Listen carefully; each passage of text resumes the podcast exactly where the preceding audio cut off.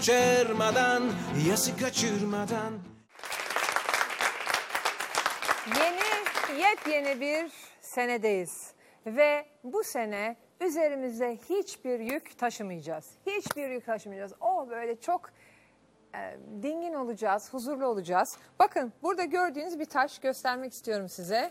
Görüyorsunuz değil mi kamera? Şimdi ben bu taşı alacağım çuvala. Şöyle ve arkama uf vallahi ağır. Şöyle koydum. Ve ben şimdi bu taşla yürüyorum. Bu taş ne biliyor musunuz? Benim affetmediğim insanlar, benim çözemediğim ilişkiler. Affetmek ne önemli bir konu değil mi? Evet, Profesör Doktor Nevzat Tarhan'ı davet ediyorum. Affetmeyi konuşacağız. Hoş geldiniz. Hoş geldiniz. Buyurunuz. Evet, ne diyorsunuz hocam çuvalıma? Evet. Ağır Çuvalınız çok ağır. bir. Evet. Evet bayağı Ağır. ağır. Taş var. Bundan 2-3 tane taşıyanlar var biliyor musun? 2-3 tane. Evet. Sırtında böyle Evet, yaptığım gibi. sırtında. Evet, koyalım şuraya çuvalımızı. Nedir bu çuval ve affetmek? Affetmemeyi biz sırtında çuval taşımak gibi düşünüyoruz. Yani bir insan geçmişinde bir haksızlığa uğramıştır. Evet. Bir e, travma yaşamıştır, bir şok yaşantı yaşamıştır. Birilerine çok kızıyordur. Bu e, kızma e, duygusu o kişide öfke, öfke uyandırır, depresif ruh hali uyandırır ve diğer taraftan da böyle yakınmacılık uyandırır. Bakıyorsunuz çevrede hep halinden şikayet eden, devamlı yakınan kişiler var. Onların geçmişini bir araştırdığımız zaman böyle çözülmemiş travmalar vardır. Bu her bir travma, çözülmemiş travma sırtta bir çuval gibi. Nasıl bu çuval bizim hareket alanımızı kısıtlıyor, yürümemizi engelliyor, performansı düşürüyorsa, zihinsel performansımızı, duygusal performansımızı da o affetmediğimiz ya da çözemediğimiz daha doğrusu, yani muhakkak affetmek gerekmiyor, çözmek önemli. Çözemediğimiz travmalar, haksızlıklar, yani insanlar arasında ilişkindeki şok yaşantılar, hayal kırıklıkları bunların çözümünü başarabilirsek o yük her çuvala atmış oluyoruz ve rahat yükümüz hafifliyor, rahatlıyoruz ve e, hareket alanımız genişliyor. Peki Nevzat Bey bu çuvala bakarsak yani bizim birçoğumuzun sırtı çuval dolu öyle değil mi? Evet. Yani çuval bir tane de içinde bir sürü taş var. Bir tane taş daha. Yani her çözemediğimiz ilişki, her affedemediğimiz olay, her aşamadığımız olay diyelim. Sırtta taş taş birikiyor. Evet. İşte bu hani böyle konuştuğumuzda böyle öfkeli mizaçlı kişiler vardır. Yahut da gergin kişiler vardır. Evet. Hiç rahatlamayan kişiler vardır.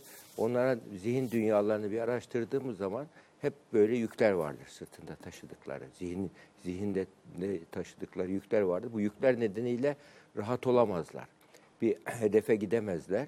Ee, burada e, affetmeden önce bir şey gerekiyor, kabullenmek gerekiyor. Kabullenmek. Gerçeğe kabullenmek. Yani affetmenin bir önceki adımı e, gerçekleri kabul etmek. Şimdi affedemeyebilirsiniz ama gerçekleri kabul edebilirsiniz bazı durumlarda. Mesela sadakatsizlikler var. Nasıl affedeceksiniz? Yani böyle durumlarda e, affedilemeyecek e, durumlar kabullenmek. Kabullendiği zaman kişi şimdi şöyle bir akıl yürütme işe yarıyor. Yani çaresi varsa gereğini yaparım, üzülmeye değmez. Çaresi yoksa üzülsem de sonuç değişmeyeceği için yine üzülmeye değmez. Üzüldüğümüz bir olay var. Olay var. Bize travma yaşadan çok üzüldüğümüz bir olay var. Diyorsunuz ki o olaya bak, olayla konuş. Çaren var mı? Tamam, Varsa zaten üzülme. üzülme. Çaren Çare- yok mu? Heh. Çaren yoksa üzülsen de sonuç değişmeyeceği için yine üzülmeye değmez. Ama öyle kolay dediniz ki öyle kolay olmuyor öyle. Evet, Çünkü üzülseniz de sonuç değişmeyeceği için kendinizi yer bitirirsiniz. İşte sırtınızda yük taşıyıp durursunuz. Yani böyle durumlar ne, bu ne demektir? Kabullenin bunu demektir. Nasıl kabullenilir kabul? Kabullenme şöyle. İnsan böyle bir olayı kabullendiği zaman birisi bir haksızlık yaptı. Bir tanıdığınız. Yahut da yani sizi patron herkesin içine kötü duruma düşürdü. Böyle bir durumda hemen sinirlenip işi terk etmek yahut da işte dava açmak, hak arama paranoyasına girmek yerine böyle bir durumda haksızlığa uğradığımız zaman kişinin e, genellikle duygularımız hakkında düşünmemiz gerekiyor o anda. Du- du- hissettiğimiz duygu öfke oluyor genelde. Öfke hakkında düşündüğümüz zaman hangi ilkemiz zedelendi, hangi prensibimiz bozuldu, hangi kuralımız zarar gördü diye kişi düşünürse bu düşündüğü zaman böyle durumlarda e, olayın yüzde kaçına ben sebep oldum, yüzde kaçına karşı taraf sebep oldu. Bunun analizini yapar. Yani duygular hakkında düşünce üretir, bir adım ilerlemiş olur. Düşünce ürettikten sonra burada muhtemel çözüm yollarını düşünür. A planı, B planı, C planı düşünür. Bu çözüm yollarından birine karar verir ve ilerler. Artık dönüp bakmaz geriye. Bunu yaparsa sorun çözme stili geliştirmiş oluyor. Eğer olay değiştirilemeyecek gibi ise mesela artık bir şey kırılmış, ayağınız kırılmış size bir, birisi bir haksızlık yapmış ve kazayla da olsa kırılmış ya da bir şey yani şu anda onu tedavisi gerekenini yapıyorsun ama o kişiye sen buna sebep oldun, ne biçim adamsın, niye yaptın, niye dikkat etmedin, e, niye şöyle yapmadın demenin bir faydası var mı size? Yoktur insana. Kişinin kabullenici olması burada yani aklın gereğidir kabullenici olması. Şimdi kabullenip daha sonra da o kişi affederse bak e, affettiği kişi iki hediye verir, kendisi de dört hediye kazanır. Böyle bir durumda. Bir yani haksızlığa uğradığı zaman onu kabullenip daha sonra ikinci aşamada affetmeyi başarırsa. Peki bir şey sormak istiyorum. Gurur var hepimizde. Bu gururla da alakalı bir şey herhalde. Tabii. Gururla affetmek arasında bir bilinti tabii. var. Hani. Yani onur hislerle korunmaz, akılla korunur. Hmm, çok güzel. Tekrar edebilir Tabii. misiniz? Yani onurumuzu korumak istiyoruz. Yani gururumuz zedelendi. Gururumuz hislerimizle koruyamayız gururumuzu. Akılla koruruz. Yani böyle durumlarda bu benim onurum kırıldı. Herkesin karşısında mahcup oldum. Bu bunu ben affedemem. O halde ben istifa ediyorum. Bu akıllıca bir hareket değil. E, Böyle bir durumda hemen onurum kırıldı. Neden kırıldı? Yani bunun ben- benim güçlü yönlerim nedir, zayıf yönlerim nedir diye hani işletmecilerin SWOT analizi gibi onu yapacak kişi kendisine. Neden böyle bir durum oldu? Ve bu böyle bir durumda e, benim onurumu kıran ki- kişiyle yüzleşmem gerekiyor mu? Peki affetmek de gururunu yenmek anlamına geliyor mu bir şekilde? Tabii işte affetmek zaten bir şeydir, erdemdir. Ve Erdemdir. kolay değildir bu. Kolay değildir. Yani affeden kimse iki şey yapmış oluyor. Karşı tarafa yani, yani ben senin e, senin hakkında e, hakkımdan feragat ediyorum diyor. Ve e, e, karşı tarafa e, böyle durumlarda ben senin düşmanın değilim diyor aynı zamanda. Öyle mi? Bu enteresan. Tabii. Karşı tarafa biz diyoruz ki Diyor. ben senin düşmanın değilim. Değilim. Ne demek bu? Yani şimdi karşı tarafla aranızda bir zıtlaşma var, kutuplaşma Ha, var. Bir iş zıtlaşma, yerinde, doğru. iş yerinde kutuplaşma var. Yan yan gözle bakıyorlar. Gene bana ne yapacak bu? Gene beni, benim bana çelme takacak mı? Benim paçamdan çekecek mi? Evet, çok bana, oluyor bu iş yerlerinde. Yani iş yerinde vardır. Böyle durumlarda yani bir kimse eğer yapılan bir yanlışı affederse ben senin düşmanın değilindir diye bir hediye veriyor. İkincisi de senin lehine hakkımdan vazgeçtim diyor. Karşı tarafta savunma duygusu yerine suçluk ve pişmanlık duygusu yanıyor karşı tarafta. Ya ben buna bu haksızlığı yaptım fakat bu kimse gene ya üstün çıktı bak bana şey yaptı. Fazilet gösterdi, erdem gösterdi. Yani beni affetti diyor. Rahatsız şey oluyor. Kötücülse eğer rahatsız oluyor. İyici ise güven oluşuyor. Mesela sevgiyi artırır, saygıyı artırır, güveni artırır ve ilişkilerde korkuyu azaltır bu. E bu da yani 21. yüzyıl değeri iyi işbirliği kurmaktır. İş, yani iyi işbirliği kurabilmeyi başarabilmek bu çağın en büyük sermayesidir, sosyal sermayedir. İyi işbirliği kurabilen kişiler bu çağda ilerleyebilecekler. Yani tek başına kahramanca girişimcilikler olmuyor. Peki bir şey sorabilir miyim? Bu çuvala gelirsek, çuval dedik bizim e, yüklerimiz, arkamıza taşıdığımız, affedemediğimiz ve veya çözemediğimiz dedik. Bir de mesela e, burada pişmanlıklar da oluyor. Tabii. Kendimizi affetmek herhalde bunların en önemlisi diye Tabii. düşünüyorum. Doğru, çok güzel. Şimdi kendimi affetmek, kendimle ilgili taşıdığım da belki benim çuvalda taşlar var. Şöyle yaptım, ben niye bunu yaptım, ben niye şunu bunu yaptım filan filan diye pişmanlıklar. Pişmanlık demek kişinin e, öz eleştiri yapabildiğini ve, bir e, kendini bu konuda sorgulayabildiğini gösteriyor. Bu yüzde elli bir avantajdır kişinin. Yani pişmanlık duyabilmek bir erdemdir onu söyleyeyim. Yani insan aynı hatayı yapar, ısrarla devam eder ve hiçbir suçluluk, pişmanlık hissetmez. Yani bu, bu- bir kişi bunu pişmanlık hissediyorsa bu yüzde elli e, kazanımdır. kişi için. Gelişecek Tabii demektir. gelişecek demektir. Kabulleniyor Pişmanlık, çünkü. Tabii kabulleniyor. Kabullendikten sonra e, böyle durumlarda ikinci bir adım atması gerekiyor. Kabullenip de bunu devamlı taşırsa işte sırtında yük olur. Suçluluk, pişmanlık. Böyle bir durumda ya ben bunu yaşamam gerekiyormuş. Ya bu beni üzüyor. Duygular olarak üzüyor. Duygularımla dan sonra düşünce öğretmem gerekiyor ikinci aşama. Bazı insanlar hisleriyle düşüncelerini karıştırıyorlar. Hislerimiz pişmanlık. Ama düşüncemiz ne? Bu pişmanlık bu denen olayı neden yaptım? Ve böyle bir durumda bu bana ne öğretti diyeceksiniz. Ne öğretti? Tabii. Hemen pozitife Hemen, çevir. hemen ne öğretti diyebilirseniz yani sorun odaklı değil çözüm odaklı olacağız hemen. Sorun belli. Pişmanlık duydum. Bunu yaptım, yaşadım, bu hatayı yaptım. Bu, bu filanca kişinin kalbini kırdım. Yahut da kendimde hayati bir hata yaptım. İşte sınavı kaçırdım diyelim mesela bir öğrenci için.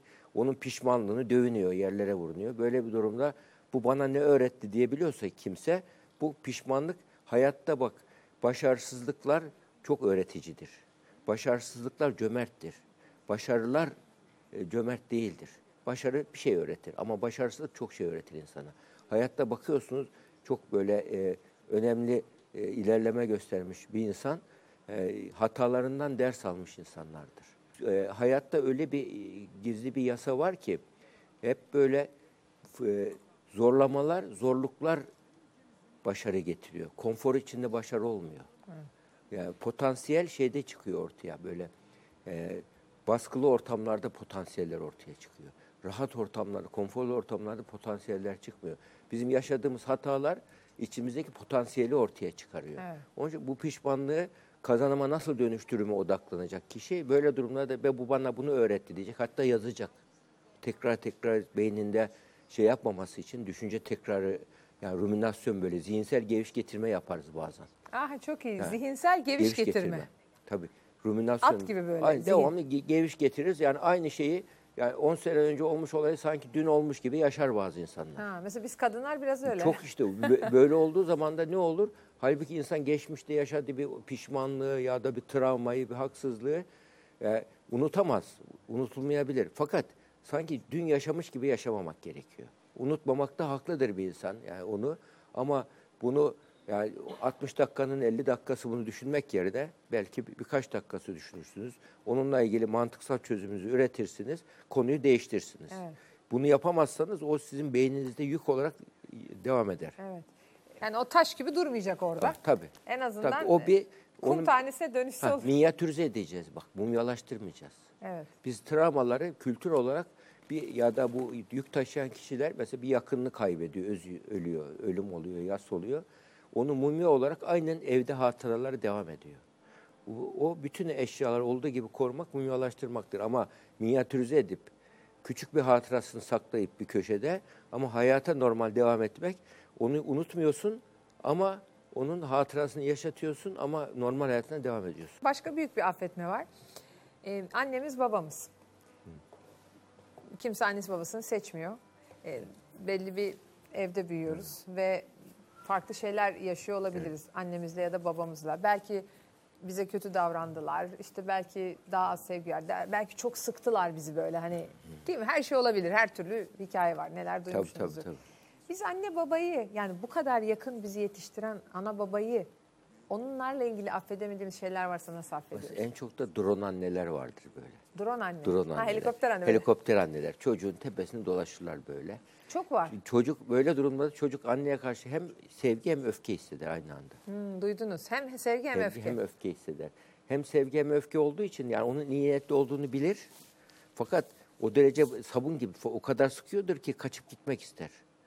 Çok gevşek bıraksa da yine kaçıp gider insan. Fakat e, böyle durumlarda annede tabii müdahalecilik puanı yüksek çıkıyor yapıldığımız testlerde böyle annede. Kontrol yüksek çıkıyor, müdahale yüksek çıkıyor. Böyle durumlarda mesela bir genç olarak annesi böyleyse annesini değiştirmek yerine anne ben ne yapacağımı biliyorum lütfen karışma. Lütfen ben ne yapacağımı sinirlenip ses tonunu yükseltip bazıları bastırıyor bastırıyor duygularını. Gidiyor bin defa öpüyor annesini günde. Bunu bağırttırıyor annesini. Rahatlıyor gol atmış gibi ondan sonra. Annesini öpünce rahatlıyor. Rahatlıyor hem de annesine karşı direkt öfke besletmiyor. Pasif bir öfke var orada. Yani bu tabii sağlıksız bir ilişkiye sebep oluyor. Yani böyle durumlarda ses tonu yükselerek anne ben çocuk değilim, büyüdüm. Lütfen bunu kabul et. Lütfen bana karışma. Ben ne yaptım biliyorum de. Yani an- sınır koyabilmek önemli. Sosyal sınırlar çok önemli burada. Ee, sınır ihlali çok var ama. Çok. Yani bizim toplumumuzda siz dediniz yani böyle yapış yapış bir toplumuz. Ya seviyoruz ya nefret ediyoruz böyle ilişkiler. sınır yani sınır e, çat kapı bir olmayı seviyoruz. Ama e, insan ilişkilerinde nasıl a- apartmanda duvarlar varsa bir sınırsa insan ilişkilerinde sosyal sınırlar var, duvarlar vardır. Var. Yani o yani çok fazla hani sosyal kaygı gibi kaçmak değil ama yani bir şekilde yapış yapış da mesafesiz bir ilişkide e, yani şeyleri özellikle e, yakın ilişkilere zarar verir. Yani bir müddet sonra bunaltır. Karı koca Var. arasında bile geçerli değil Tabii, mi bu? Kesinlikle. Yani eşlerin birbirine sessiz zaman ayırmasını istiyoruz. Sessiz. Sessiz. O ne demek? Yani rüyasını bile tanımak istiyor bazı şeyler. Mesela uykuda ben ben böyle kıskanç bir erkek biliyorum. Gece sandalyesini eşi uyurken çekiyordu yanına. Gece uykuda bakıyordu böyle. Güldüğü zaman uyandırıyordu. Rüyanda kimi görüyordun diye. Kimi görüyormuş? Ya işte kız, kadıncağızın bir şeyden haberi merak yok. ettik burada. Ya kıskançlık yürümedi evlilikler onun. Ya adam paranoid bir kıskançlık paranoyası vardı. Kıskançlık neden olur temelinde, Yani- yani- özünde? Yani kıskançlık genellikle bu, bu hastalık derecesinde kıskançlık ve ilaçla düzeliyor. ilginç. Öyle mi? Ya. Aa kıskançlık, Kıskançlık ilaçla ilaçla düzeliyormuş. düzeliyor. Ya Hemen düzeliyor. eczaneye herkes. Yani ciddi şekilde o kıskançlık ben öyle senelerde düşen kıskançlığın ba- bazı ilaçları düzeldiğini örneklerini çok görüyoruz. Ya ben ne saçmalık yapıyormuşum diyor. Çünkü hastalık beynin böyle durumlarda güvenle ilgili alan bozuluyor bu kişilerde. Güven sorgulaması yapıyor. Her hareketine bir anlam yüklüyor. Bir paranoyanın bir türü olduğu için tehdit algılamasını fazla yapıyor. Ve beyin kimyasını düzelttikten sonra terapi yapmak gerekir tabii. O zaman şöyle diyelim mi e, Profesör Doktor Nevzat Tarhan çuvalla başladık. Biliyorsunuz bunun içinde büyük bir taş var. Şuradan tekrar gösterelim. Bu taşları dedik aman taşımayalım. Gördünüz mü kameralar taşı? Evet bu taşı dedik. Böyle büyük taşları taşımayalım dedik. Evet. İlişkileri çözelim. Affedelim. Erdem bizde kalsın. Evet. Unutmayalım ama affedelim. Affedelim. Tamam. Unutmaya Evet. gerek yok. Hani bir ve büyük e, şöyle gösteriyorum ben tekrar evet şeyi e, taşımızı. Bu taşları her birimiz arkamızda taşıyoruz dedik. Evet. Ve birkaç da böyle bir en son tavsiye verebilirsek bu güzel yeni senede bu taşları taşımamak için herkes ne yapsın? Yani yarından itibaren, bugünden itibaren 1 2 3 4 ne yapsınlar? Yani böyle burada bütün iş e, sizin o pankartlarda da çok güzel vardı. Sorun odaklı değil, çözüm odaklı düşünce. Çözüme odaklanalım. Soruna değil Tabii, çözüme. Soruna değil, çözüm odaklı. Tamam. Negatife değil, pozitif odaklı. Yani. Negatife değil pozitife. Negatifeden ders alalım ama pozitife odaklı ilerleyelim. Negatiften ders alalım. alalım. Olan kötülüklerden her neyse e, ders alalım ama ilerleyelim. Ha, tabii. Nehir Ve- ileri akar. Tabii ne ileri akar onu yapalım ve e, küçük şeylerden mutlu olmayı başarabilelim. Hayat öyle böyle geçiyor. Sıradan şeylerden. Sıradan şeyler, günlük hayatımızdaki sıradan şeyler. Bir de şunu kullanmıştınız not aldım. Sorun çözme stili geliştirelim. Evet. evet. Problem çözme stili geliştirelim. Bu bir kas herhalde değil mi? Gelişiyor. Bak enteresan bir şey var. Osmanlı'da ahi yapısı var ya ahi te- esnafların. Evet. Esnaflarda ahi teşkilatında her o örgütün bir usta şeyi varmış böyle bilge bir kişisi. Birisi çuvalı alıp pat diye yere atınca böyle bu çuvalı un, un çuvalı patlamış bir gün. Un çuvalı patlayınca evladım demiş çuvalı siyasetine göre koy yerine demiş. Bak çuvalı bile usule uygun koymayı siyaset olarak tanımlıyor. Yani insanın ne yaptığı değil nasıl yaptığı da önemli. Çok doğru ve niyet Bunu- çok önemli. Niyet önemli, niyet önemli, usul önemli. Usul önemli. Bunları iyi yaparsak Adap önemli. ana önemli ve çuvalı pat diye atmak da usul hatası karşı tarafı incitir. İncitir. Zarar veririz. Yapmak istediğimiz niyetimize yani, haklıyken haksız duruma düşeriz. Evet. Tabii burada kendimizi de incitmememiz de önemli. Tabii. Çünkü kendimiz yoksa kimse hiçbir Tabii. şey yok. Zaten kendimizle olan ilişkimiz önemli, başkalarıyla ilişkimiz önemli, sosyal ilişkimiz önemli. Ama burada Yönetelim. en, kendimizi de, de diğer insanlar gibi kendimize de sağlıklı ilişki kurabilmemiz gerekiyor. Evet. O zaman 2019 yılında önce kendimizden başlayarak Evet, affederek şöyle bir arınarak evet. e, kim varsa e, affedemediğimiz unutmayalım büyük halde değil. Yani 10 sene önce olmuş olaysa çok önemli bir şey dediniz. 10 sene önce olay böyleydi. Şimdi artık işte şu kadar şöyle minicik kalsın. Kalsın aklınızda ama Tabii. diyor hocamız Tabii. mini minicik halde kalsın diyor. Tortusu kalsın diyor. Etkisi öyle eskisi gibi Tabii, olmasın olmaz. diyor. Bir de yeni yeni yıllarda yeni bir başlangıç. Dur, düşün, yeniden başla. Yeniden başla. Başla. Yeniden Tamam, başla başla. diyoruz. Alkış veriyoruz. Çok teşekkür ediyoruz.